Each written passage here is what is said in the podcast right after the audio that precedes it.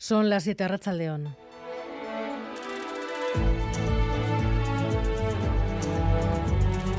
Gambara con Arancha García.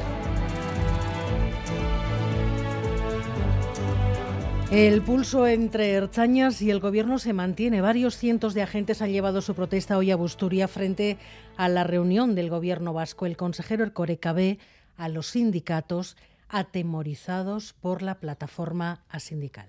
Yo entiendo que los sindicatos expresen ese temor reverencial ante el movimiento sindical que ejerce una presión fuerte sobre ellos, que en ocasiones expresen diferencias radicales entre lo que comentan en privado y lo que después manifiestan en público. El consejero pide a los sindicatos que abandonen el tono faltón y descalificador. Dice que el gobierno quiere seguir negociando sobre la plataforma Erchañas en lucha. Asegura el Coreca que no sabe ni quién la integra, ni quién la impulsa, ni quién les representa. En un comunicado esta tarde, la plataforma afirma que no pretenden sustituir a los sindicatos.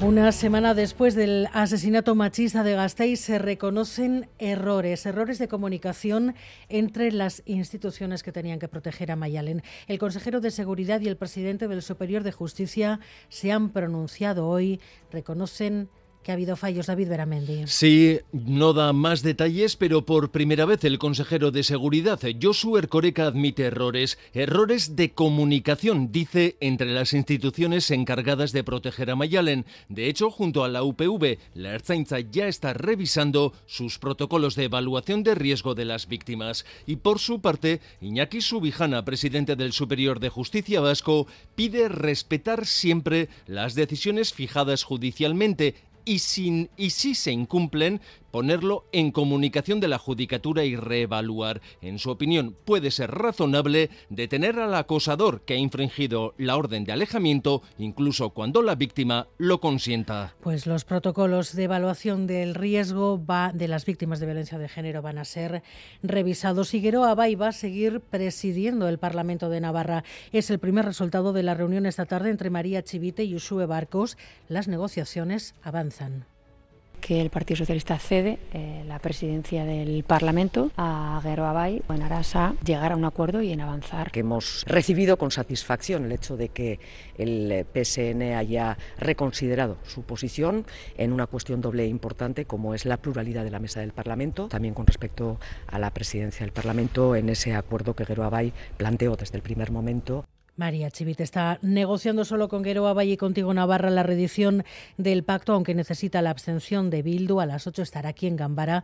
Joseba Sirán, candidato de Euskal Herria Bildu a la alcaldía de Iruña. El PSN no va a votarle, no parece que vaya a trasladarse al ayuntamiento la mayoría progresista que lleva gobernando Navarra las últimas legislaturas. Y en Álava, a la espera de que la ejecutiva del PNV decida si presentan candidatura en La Bastida y La Guardia. El candidato de La Guardia lo había dado por hecho pero son las dos líneas rojas que ha puesto el Partido Popular. Iñaki Yarzábal. Consideramos que esa es una línea roja.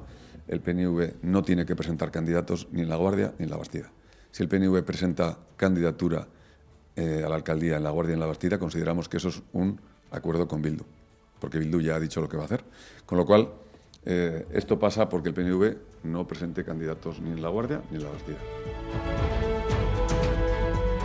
La guerra en Ucrania ha dado, entre tanto, hoy un nuevo salto, un salto parece que cualitativo, tras la destrucción de un enorme embalse de más de 40 metros de altura sobre el, el río Dnipro. Es parte de una central hidroeléctrica, suministra agua también a la central nuclear de Zaporilla y de agua potable a Crimea, anexionada a Rusia. Es un punto estratégico que tiene además una amplia zona inundada. Miles de personas están siendo evacuadas. John Fernández Moore. Versiones contrapuestas de Kiev y Moscú. Ambos se acusan mutuamente de haber volado esta madrugada la presa de Novakashovka. Hay que tener en cuenta que este embalse, uno de los más importantes en el río Dnieper, está en una zona en la que es el propio río el que marca la línea del frente. El presidente ucraniano Volodymyr Zelensky ha señalado que hace más de un año que tanto la presa como la central hidroeléctrica están bajo control ruso, por lo que es imposible que ellos la hayan volado. La cuestión es que la fractura de la presa ha provocado devastadoras inundaciones en la provincia de Gerson en unas 80 localidades.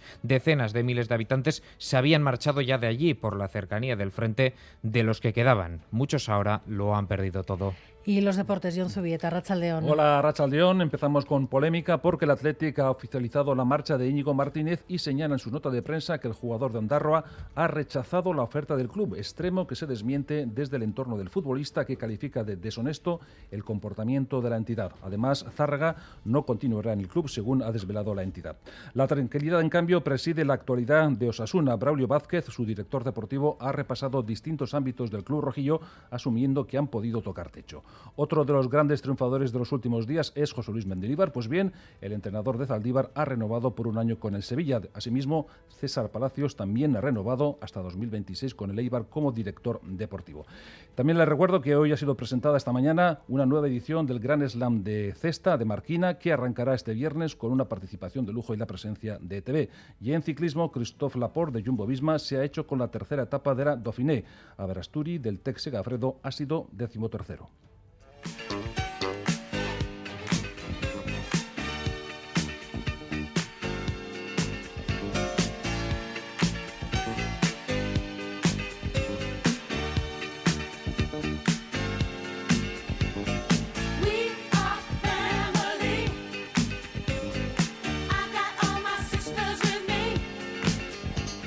Como en 1950, la Junta de Andalucía ha galardonado a una familia por tener 15 hijos, dice que es la familia por la que apuesta el gobierno andaluz Gary Suárez. Ellos son los Cuevas Benítez, son de Granada y sí, son una familia numerosa, muy numerosa de hecho, porque los padres, Javier y Belén, tienen 15 hijos e hijas. Soy Javier, estoy casado con Belén y tenemos 15 hijos. ¿eh? La mayor tiene 20 años y el pequeñito que está aquí tiene un año recién cumplido. Puede parecer imposible, pero es totalmente real. 15 hijos e hijas, todos con nombres distintos, lo cual tiene bastante mérito.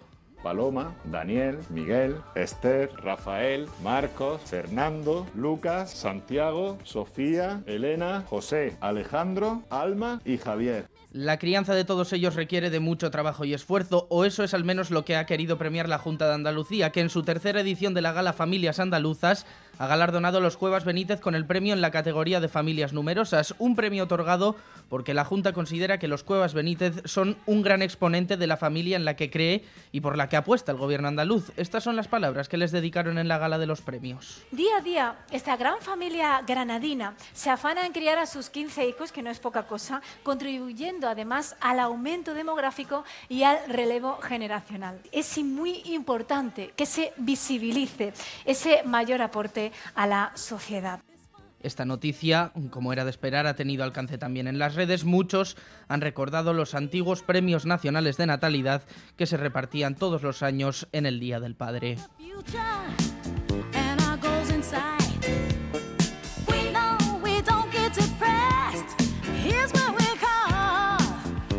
Alberto Subel y Miguel Ortiz están en la dirección técnica, Cristina Vázquez en la producción.